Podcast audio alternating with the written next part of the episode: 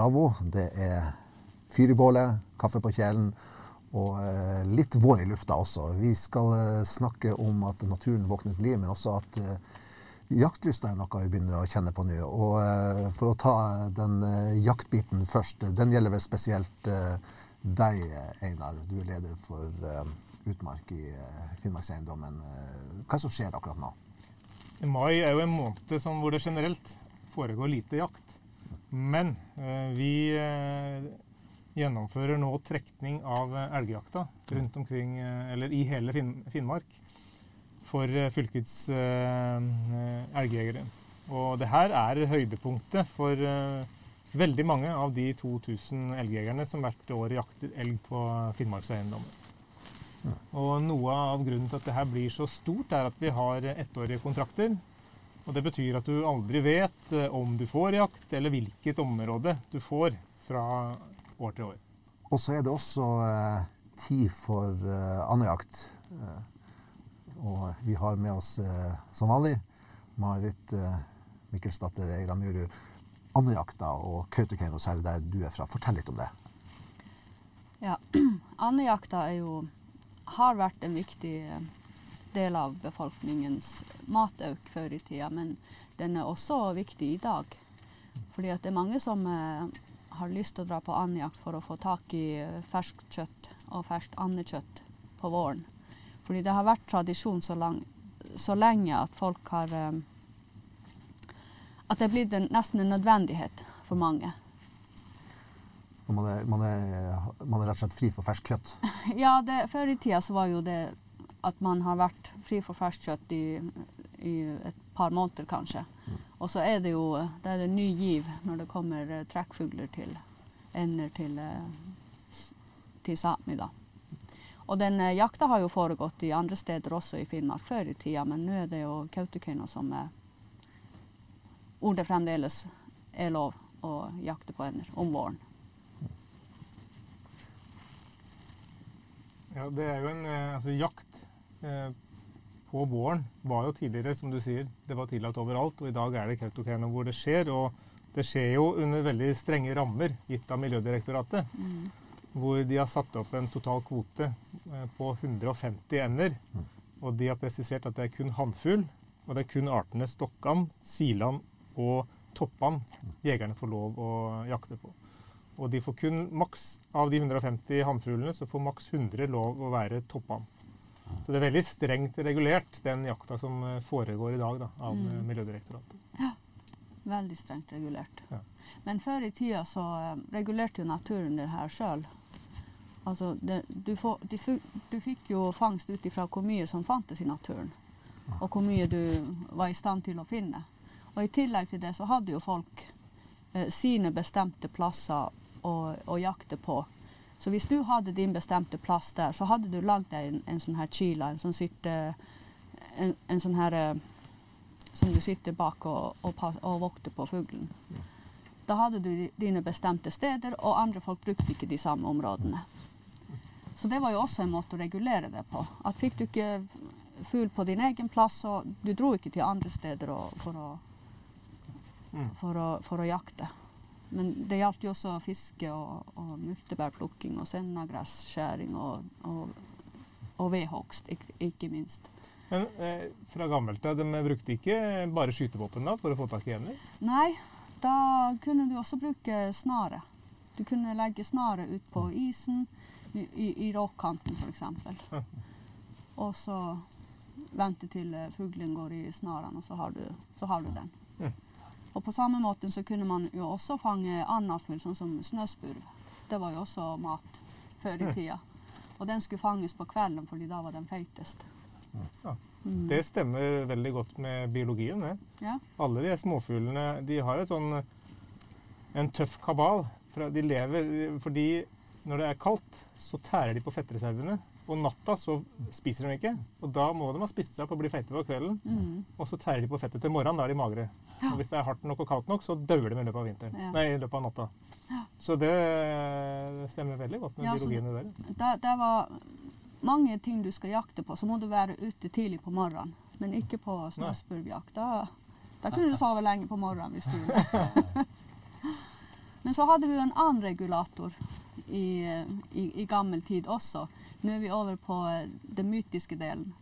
Og da er jo eh, Tranen kommer jo ganske tidlig til Sápmi.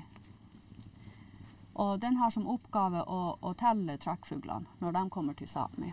Og deretter så skal den rapportere til Barmoahka, som var en gud som man kanskje kan oversette til eh, trekkfuglkona.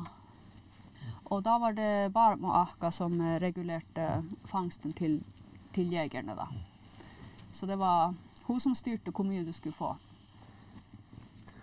Fortidens eh, grunneiere, nærmest. Ja. Eh, Lars Klempig, eh, du er lærer på, um, friluftslærer på Alta folkehøgskole, som vi også samarbeider med om denne podkasten. Hva betyr våren og denne tida for deg? Og våren er tida for å Man blir nesten litt sånn Ja, man blir ordentlig våryr. Er en veldig fin beskrivelse, for det er så mye fint som skjer. Det er fint i skogen, det er fint på fjellet, det er fint med sjøen, og ikke minst ut, ha ut mot havet og ut på havet. Mm. Altså, det er så eh, fantastisk overalt. Og, og, og, ikke minst naturen i seg sjøl eh, bobler av liv.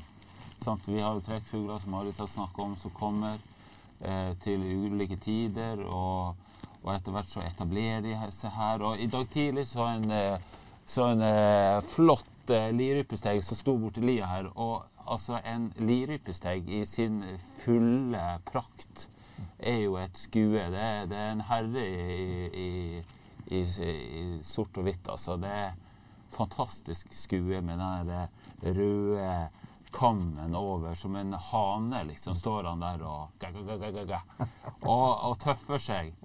Ja, det er bare så fantastisk eh, å se på. Og, og ja, så jeg, eh, det er veldig artig at det er også litt sånn sanketid, men det er også tid å virkelig eh, seg over naturen og nyte den på, i sin fulle prakt. Mm. Det kommer kanskje ekstra sterkt til sin rett, da, det her med at i Finnmark så, så, har vi flere årstider, og hver årstid virker ekstra mm. sterkt. Mm. Og våren på samme måte virker ekstra sterkt, fordi hvis man bor på lengre sørlige breddegrader, så er ikke variasjonene så store, men her får man hele tida endringer i, i naturen da, gjennom sesongen. Og så altså Nå i mai du kan jo ha full vinter oppe på fjellet. Mm. Eh, men samtidig et touch av, eh, av eh, det, det, håpet som eh, ligger foran oss med alt liv. Eh, men det kan jo være snø. Eh, og skikkelig fersk snø og pudder, på en måte. Mens ute på kysten så er det mer stabilt. Eh, det kan også være snø der òg, men det, det, du kan liksom smake litt av alle årstidene, på en måte. Så det, der kan det være sommer ute på Sørøya, f.eks. Ligge på ei strand der og kjenne litt på det som ligger foran oss. En ting som jeg merker sjøl, som jeg aldri blir lei av å se på, det er eh, denne fascinasjonen av at eh, Du ser det på haren, du ser det på rypa, at den begynner å slippe fargen. Ja. Altså den her innebygde ja mekanisme fra naturen side. Helt fantastisk. Ja. Og særlig hvis du på en måte ikke får det helt til å stemme med hvor langt vi er kommet på våren. Ja. Uh, du tenkte at nei, du skulle kanskje holdt på fargen litt til. Ja, Noen ganger er det jo sånn. Det er jo mer aktuelt eh, enn du aner i disse klimaendringstider. Hvor varmere klima og da tidligere snøsmelting om våren og senere påslag av vinter på høsten er veldig uheldig for både ryper og harer. Fordi det der, eh, kamuflasjen deres matcher ikke lenger. Og Ergo så blir det lettere bytte for både tobeinte og firbeinte mm. jegere. Mm. Ja, det er også en tid for å plukke egg. Det er jeg i hvert fall vokst opp med. Jeg eh, vet ikke hvordan det er med dere. Og det er noe som hører våren til, ja. ja. Det, det, er mai. Og av og til så kan vi allerede begynne i slutten på april. Det, og det er fascinerende egentlig hvor stor forskjell det er på egglegginga til uh, måsen. Noen uh, enkelte år når det er godt med mat, og de er liksom har, har, rikelig med Hatt en god vinter, da. Så begynner de tidlig. Andre år er det litt mer knagre forhold. Da begynner vi seint. Men det å, å plukke måke Vi har gjort det masse med unger. og Det er sånn liten, vi sammenligner med litt sånn skattejakt. Ja. Du går rundt på holmer her ute i Porsangerfjorden. vet du, Masse fine holmer.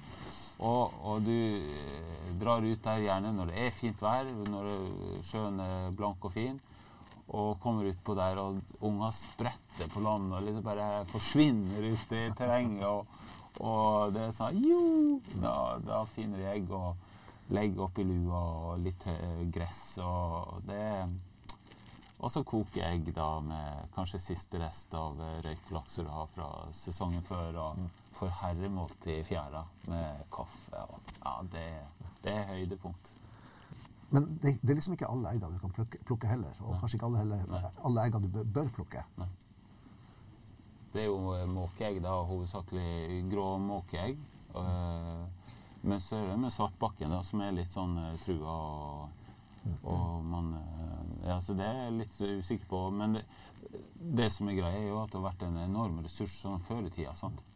Eh, som, som, det er litt spesielt at det fortsatt drives her oppe. Eh, aktiv eh, Altså det er en del av ja, greiene man gjør. Du, du skal ikke så langt sørover, så er det ingen som gjør det.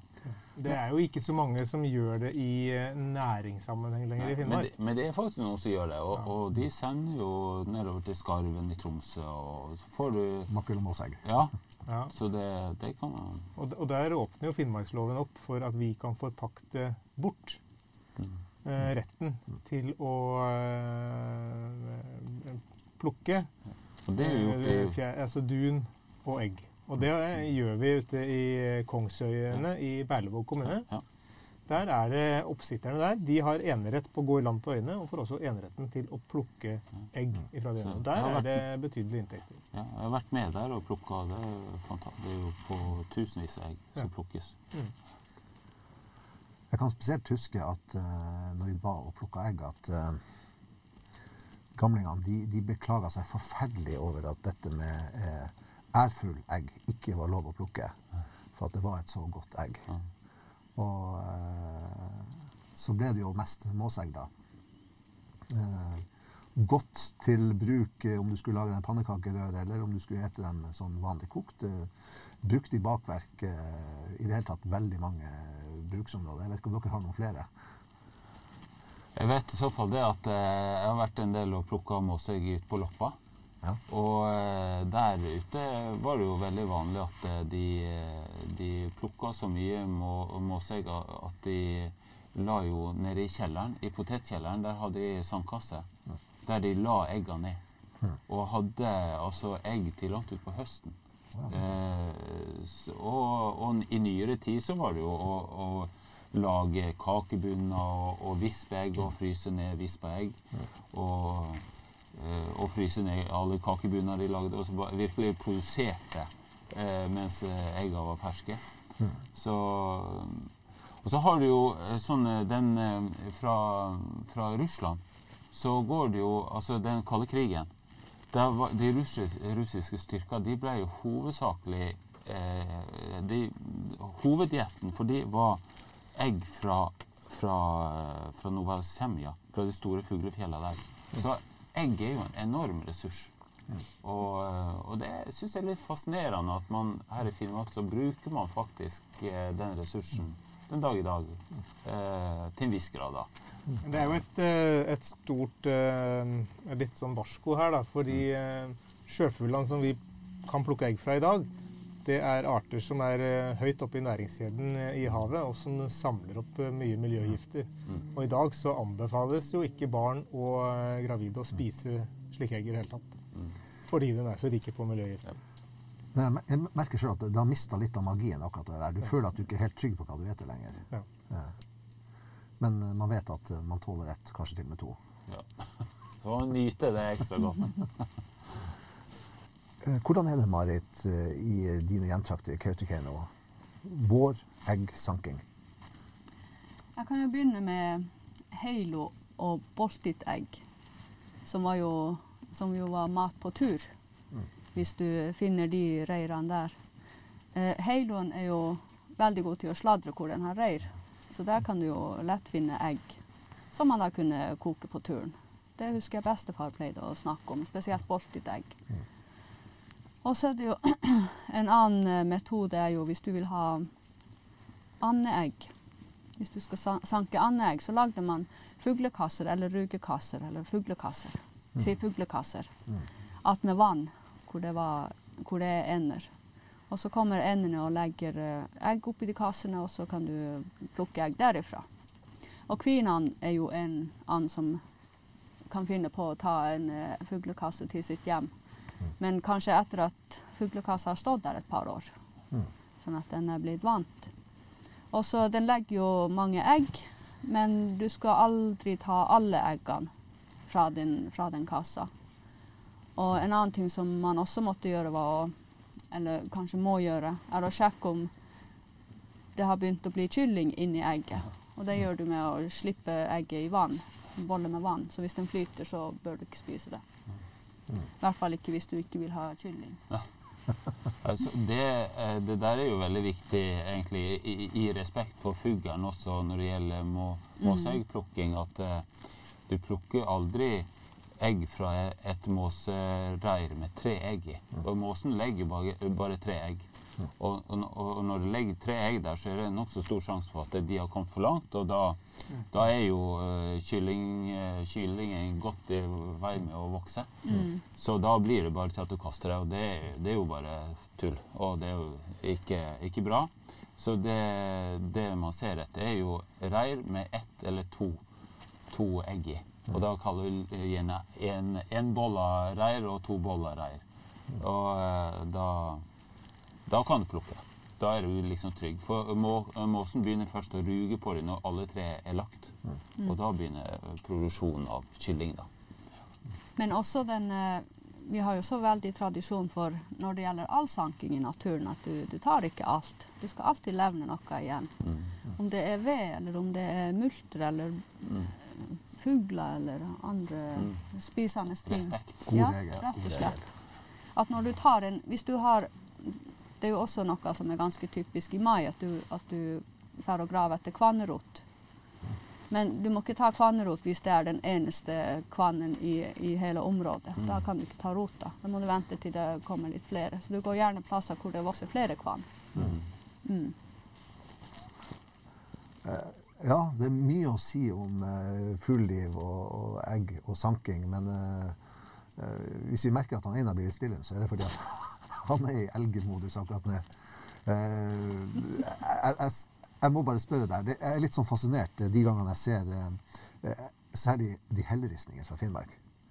Og så ser jeg jo at der driver folk og jakter elg, og det gjør de på helleristning andre plasser i Norge også. Men det er noe med den tråden der fra den gangen, der, fra mange tusen år tilbake og, og, og fram til i dag. Eh, hva er det å si om, om elgens betydning i, i faunaen vår? Elgen har eh, åpenbart hatt en veldig stor betydning når man eh, studerer helleristningene, som du er inne på. Eh, I Alta der er det veldig rikt utvalg av elger i ulike former og størrelser. Og til og med skildra drektige kyr. Ofte er de beskrevet uten gevir, og så kan man spekulere hvorfor eh, er de uten gevir. Var det fordi man jakta dem om vinteren, kanskje? Eh, det, kan man jo filosofere mye over, men, men helt klart så var elgen veldig viktig. Du finner ikke ryper og hare på helleristningen i Alta. Nei, du finner elg og rein og bjørn. Og eh, i dag, Vi snakker jo gjerne om i den moderne forvaltninga, eller vår elgforvaltning i dag, da, at elgen er en ny art i Finnmark. Den første offentlige elgen ble skutt i eh, 61 i Karasjok, hvis jeg husker riktig. Men eh, når du ser helleristningene, så er det tydelig at nei, den er ikke så fersk. Den har, den har faktisk vært her eh, eh, tidligere, og den har vært veldig viktig. Så, og det er jo en stor matressurs. Og det er jo store dyr. ikke sant? Og i dag har vi all verdens duppeditter. Vi har presise eh, våpen med kraftig anslagsenergi, og vi har kikkertsikter og alle mulige forutsetninger for å avlive elgen humant. Men man kan jo tenke seg for 5000-7000 år siden, når folk hadde spyd eh, og, kanskje en pil og bue, og, skulle ha i hjel dyr som kan veie over et halvt tonn. Jeg har med et eh, elghjerte her fra siste elgjakt. Og da Det er svært. kan man jo tenke seg da, at det er et hjerte som eh, veier nesten 2,5 kilo. Som pumper eh, blod ut i kroppen på et eh, dyr på et, eh, et halvt tonn. Det er nesten like stor som hodet ditt. Ja. her til lytterne. Ja. Så det, det er en kjempemuskel. Og liksom det at forfedrene våre klarte å, ja, ta livet av så store dyr, da, det, det er fascinerende i seg sjøl. Og, og med så mye kjøtt på elgen Du ser jo på helleristningen at de som eh, hakka ut helleristningene, de har jo veldig ofte markert steik og bog, de mest kjøttfulle delene på dyrene. Og eh, akkurat hvorfor er jo ikke så lett å si, men at det har en sammenheng med maten og kjøttet og verdien som det representerte, det er jeg ganske sikker på. Hva er det som er typisk for eh, elgens liv akkurat nå i disse dager når det er mai og vi sitter og skal ha elgtrekning? Ja, Det er et uh, godt spørsmål. Elgen den er jo en art som går på sparebluss gjennom vinteren.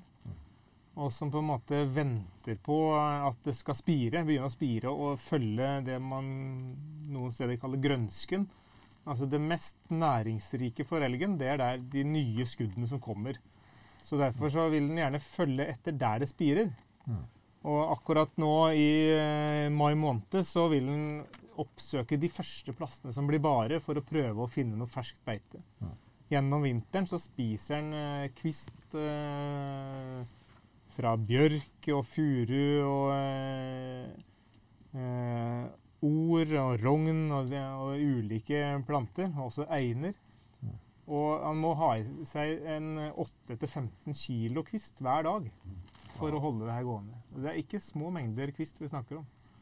Og likevel, når det blir eh, mai og han finner de første eh, skuddene, så begynner han å beite på det. Og det begynner han nederst lavest i elvedalene.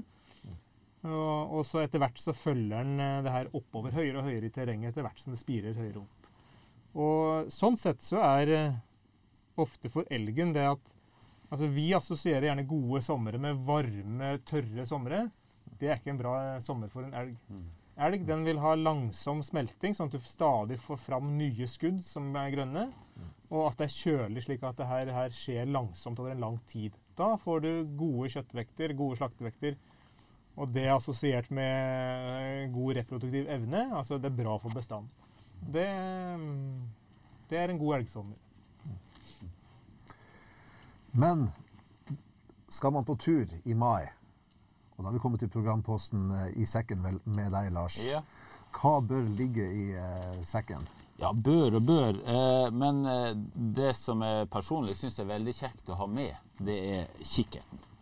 Eh, jeg må si det å virkelig nyte situasjonen med at det bobler av liv, som vi snakka om, og det, det er veldig masse Og, og, og fugler spesielt da er jo ekstra fine på denne her tida. De eh, Hannfugler kommer i paringsdrakt og og eh, ja, sånn som jeg rypa i dag tidlig med der, det, altså det, det prentes jo fast på netthinna. Og, og det å kunne da se på den med en kikkert, dra den liksom inn i hodet ditt og, og, og se på den, det, det syns jeg Det beriker naturopplevelsen. Så får jeg gjøre det for min del.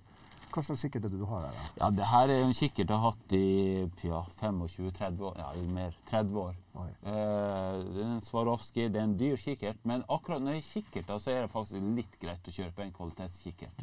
For den bruker du så mye, og den henger på, rundt, eh, rundt halsen eh, i vær og vind. Og, og du ser den er godt brukt. Der har jeg mista litt eh, okular her. Men det, det ja, det fins masse gode kikkerter, så det får du kjøpt. eh, Så eh, Ikke for stor, men heller ikke for liten. At den sitter godt i hånda og, Ja. og lett å ha rundt halsen. Så det, den er på en måte lett tilgjengelig. Og jeg ser når vi er ute med unger, så de har kjempelyst til å se på, se på det her. Og så Alternativet også i tillegg å ha med teleskop. Kan være. Det er litt mer sånn krøkkete. Da må du gjerne også ha stativ. Men eh, hvis du er på fugletur, da, og sånn som her i Porsgrunn, jeg drar ned på Vallakmyra her og kikker, eller hvor du enn er, så er det fint å ha med teleskop også, men det er litt mer sånn. Og da, det, det fine med teleskop er jo at du kan sette det inn og stille det rett på en fugl, så kan alle komme og se. Ja. Eh, mens kikkert må du jo finne den og holde, hånd, eh, holde den for hånd. Liksom. Det er litt verre. Og så syns jeg òg veldig artig å ha med fugleboka. Og, eh, og på en måte da finne ut hva du ser. Så den er godt brukt. Ja, den er godt brukt den òg. Den har ligget noen timer i sekken og brukt og bladd i. og så, men eh, ja, jeg syns det sånn eh, Du snakka om kvinnene i stad. Den, eh, den eh, jeg ser du ei and som har hvit flekk på kinnet, så kan du liksom Ja, det er kvinanna. Og eh, ser du en vadefugl, og ikke minst det med lyder. Det er jo, altså, Våren er jo den tida fugler lager veldig mye lyd.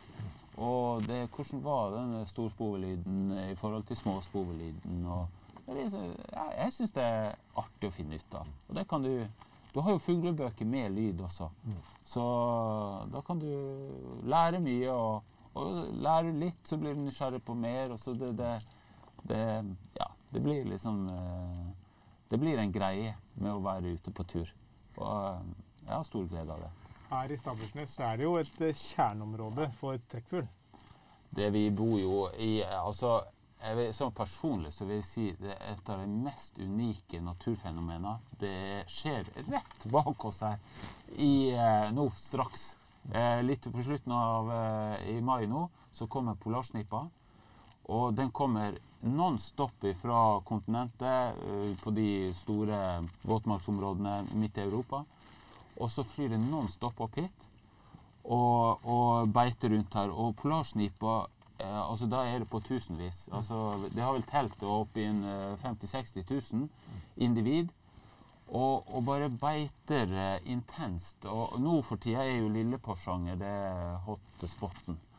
Så de har jo Ja, de vandrer litt rundt her og, og spiser seg opp i eh, 10-20 dager. Og så flyr de nonstop herifra over til Grønland og hekker der borte. Ja, det, det er et enormt altså det, De flokka der, de er jo altså på flere tusen i en flokk. Kanskje oppi 10 000 i én flokk. Og når du flyr sånn der synkront, så du får jo sånne assosiasjoner av eh, gresshoppesvermer nede i Afrika. Liksom. Det, og det skjer her. Og, eh, og det kommer jo folk fra langt vekk for å oppleve det her oppe. Så vi i Finnmark vi bør ta en tur til Lille Porsanger og oppleve det. det og så, og så er det en artig ting. Du ser han er mm, veldig sånn oransje på brystet. Polarsnipa. Nokså stor vadefugl. Og det har undra meg mye. Hvorfor er han det? Men så her For et par år siden så var vi på Grønland og opplevde eh, polarsnipa på hekkeplassen. Ja. Og der er det mye sånne eh, rustbrune fjell. Så det er perfekt kamuflasje for, eh, på hekkelokaliteten. Så det er derfor han har den fargen. Nei, så det er spennende. Ja, når du sier po- polarsnipa som kommer i hopetall, og, og ikke minst folk som kommer og ser på den, så, så eh, minnes jeg sjøl, jeg vokste rett borti her, Vokste opp rett borti her, at uh, da var vi på tur ut for å plukke egg.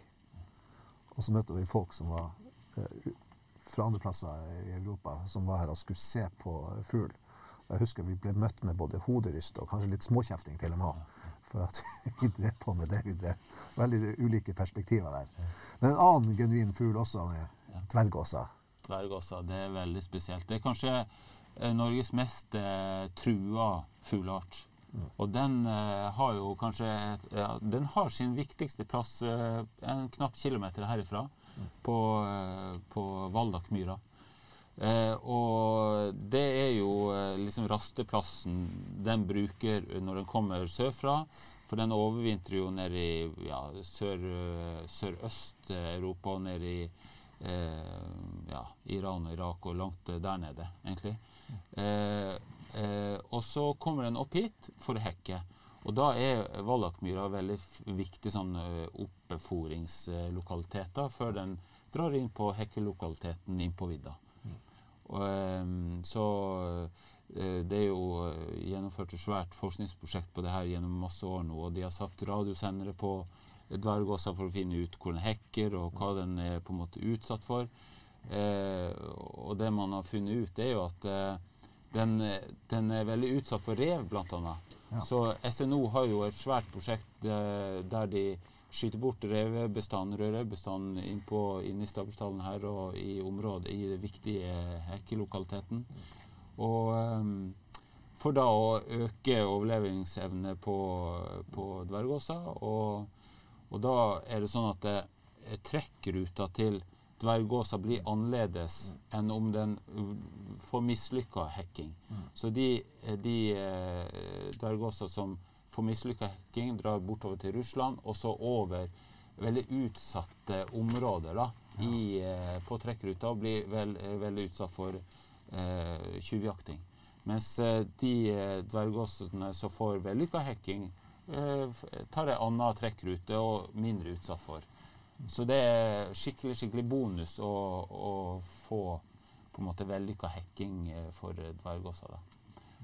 Så det har faktisk berga den, eh, den, viktige arten, da, som, eh, som er Ja.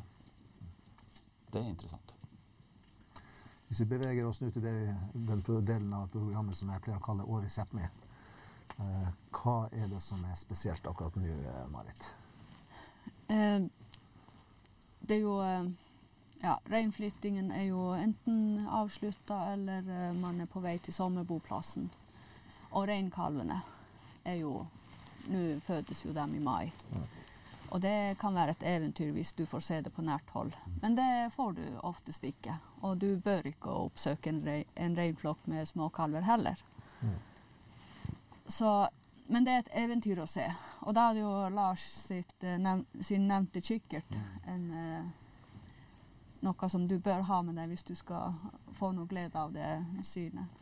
Og reinen ligner jo litt på elgen som uh, Einar snakka om, at den eh, går på sparebluss om vinteren, og så eh, lengter den etter grønt om våren. Men den, jo, den trekker, seg, trekker, jo lenger opp i høyden for å få barflekkbeite på våren. Og så trekker den heller lenger ned litt seinere, når det blir bart. Og så er det jo selvfølgelig alle de fuglene som vi også har snakka om her, med heilo med sin spesielle lyd. Veldig spesielt. Jeg har en gang Eller Haloen er kanskje den jeg kan huske best gjennom oppveksten. Og en gang så var vi på tur innover til vinterplassen på våren. Vi skulle fære og rydde ut av hytta, og flokken var på vei til sommerboplassen. Og vi møtte flokken. Det var litt spesielt. Og, og, det var litt kjedelig, for vi stoppa. Vi hadde lavvo der på et fjell der, og broren min var der. Og, og så gikk vi inn i lavvoen. Skulle bare stoppe der litt. Og så hører vi haloen på utsiden.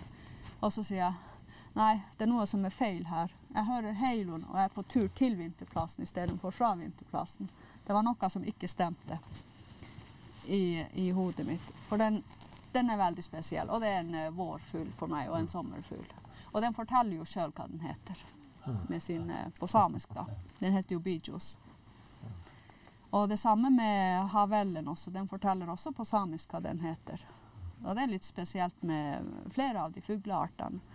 Og, og, hva de heter på samisk, det kommer jo ut av eh, hvilken lyd de lager, eller hvordan de flyr, eller Kan du illustrere noen lyd, lydmessig? Eh, Bichos, for eksempel. Bichos, bichos. Ja. Dere kjenner til det? Ja, ja, ja.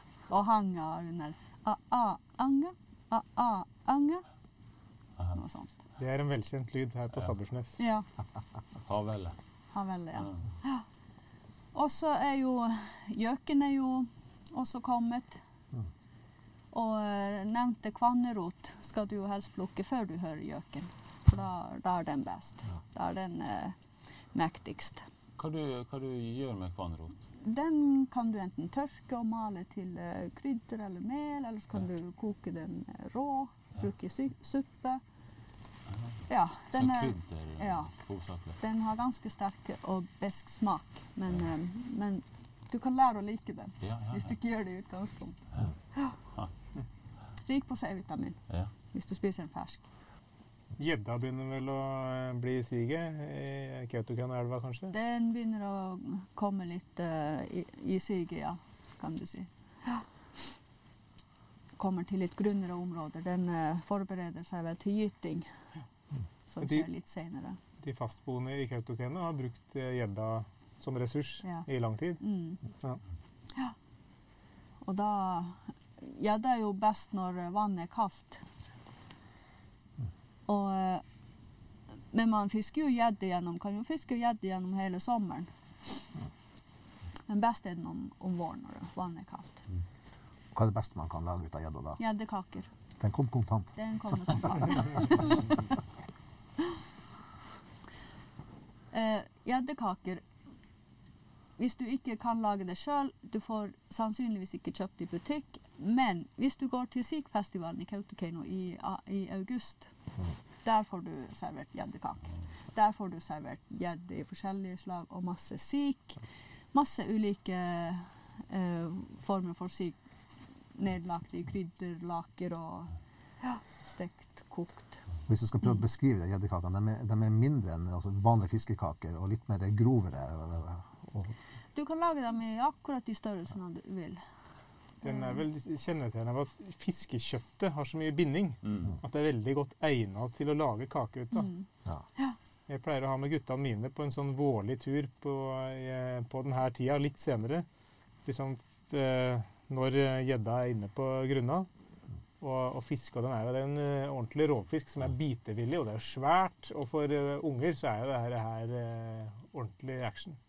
Og det er action for, for meg òg. Ja. Ja, ja, ja. Vi har av og til laga gjeddekake på tur og bare hakka opp eh, kjøttet. Altså fiskekjøttet, og så blande litt med potetmel og, og liksom lage kakene i, rundt bålet. Mm. Så mm, kanskje litt purløk purreløk til, og kjempegodt. Det er nesten så at jeg kjenner at vi begynner å bli litt sultne her. Ja. Kanskje litt, og det begynner å bli lite ved på bål også. Kanskje det er rett og slett eh, helt greit at vi eh, lukker og låser for denne gangen. Og, eh, og så eh, er vi tilbake neste måned. Og likte du det du hørte, abonner. Eventuelt eh, trykk follow. Alt etter hva slags plattform du bruker. Eh, ta også og eh, følg oss på Facebook eh, eller Instagram. Del oss og den episoden hvis du likte det, det du hørte, og så eh, høres vi. Ha det bra. Ha det, ha det.